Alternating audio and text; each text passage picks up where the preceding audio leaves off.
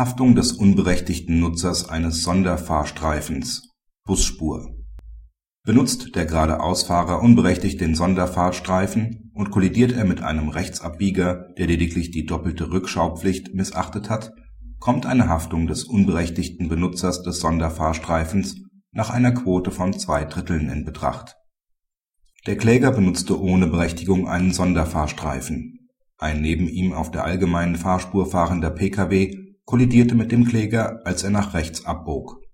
Der Beklagte hatte nach den Feststellungen des Landgerichts den rechten Fahrtrichtungsanzeiger eingeschaltet. Dennoch wollte der Kläger ihn rechts überholen.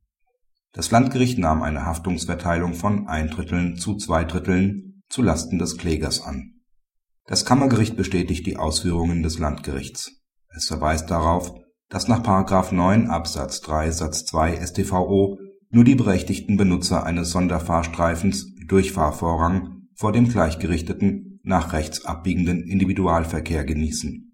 Insoweit sei die Haftungssituation anders als in dem Fall, in dem es zu einem Unfall zwischen einem unberechtigt einen Sonderfahrstreifen nutzenden Kraftfahrer und einem Linksabbieger, also dem Gegenverkehr, kommt. Der Linksabbieger ist gemäß § 9 Absatz 3 Satz 1 StVO gegenüber dem gesamten Gegenverkehr wartepflichtig. Dies gelte unabhängig von einer fehlerhaften Fahrstreifenwahl des Entgegenkommenden, zumal der Linksabbieger eine fehlende Berechtigung zur Benutzung eines Sonderfahrstreifens und dessen Beschilderung und Beschriftung nicht zu erkennen vermag.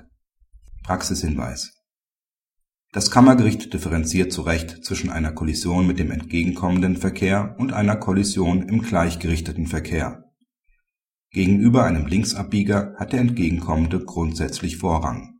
Der Vorrang des Entgegenkommenden geht nicht dadurch verloren, dass sich dieser selbst verkehrswidrig verhält.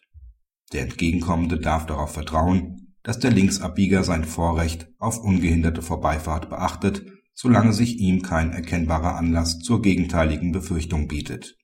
Der Abbiegende haftet daher bei einer Kollision mit dem Entgegenkommenden grundsätzlich allein zu Recht weist das Kammergericht darauf hin, dass diese Grundsätze nicht gelten, wenn es sich um eine Kollision im gleichgerichteten Verkehr handelt. Der Vorrang des Geradeausfahrers auf der Sonderfahrspur ist nur dann gerechtfertigt, wenn er diese in berechtigter Weise nutzt. Die vom Kammergericht angenommene überwiegende Haftung des Geradeausfahrers beruhte auch darauf, dass der Pkw des Rechtsabbiegers erkennbar in Schrägstellung stand und der rechte Fahrtrichtungsanzeiger gesetzt war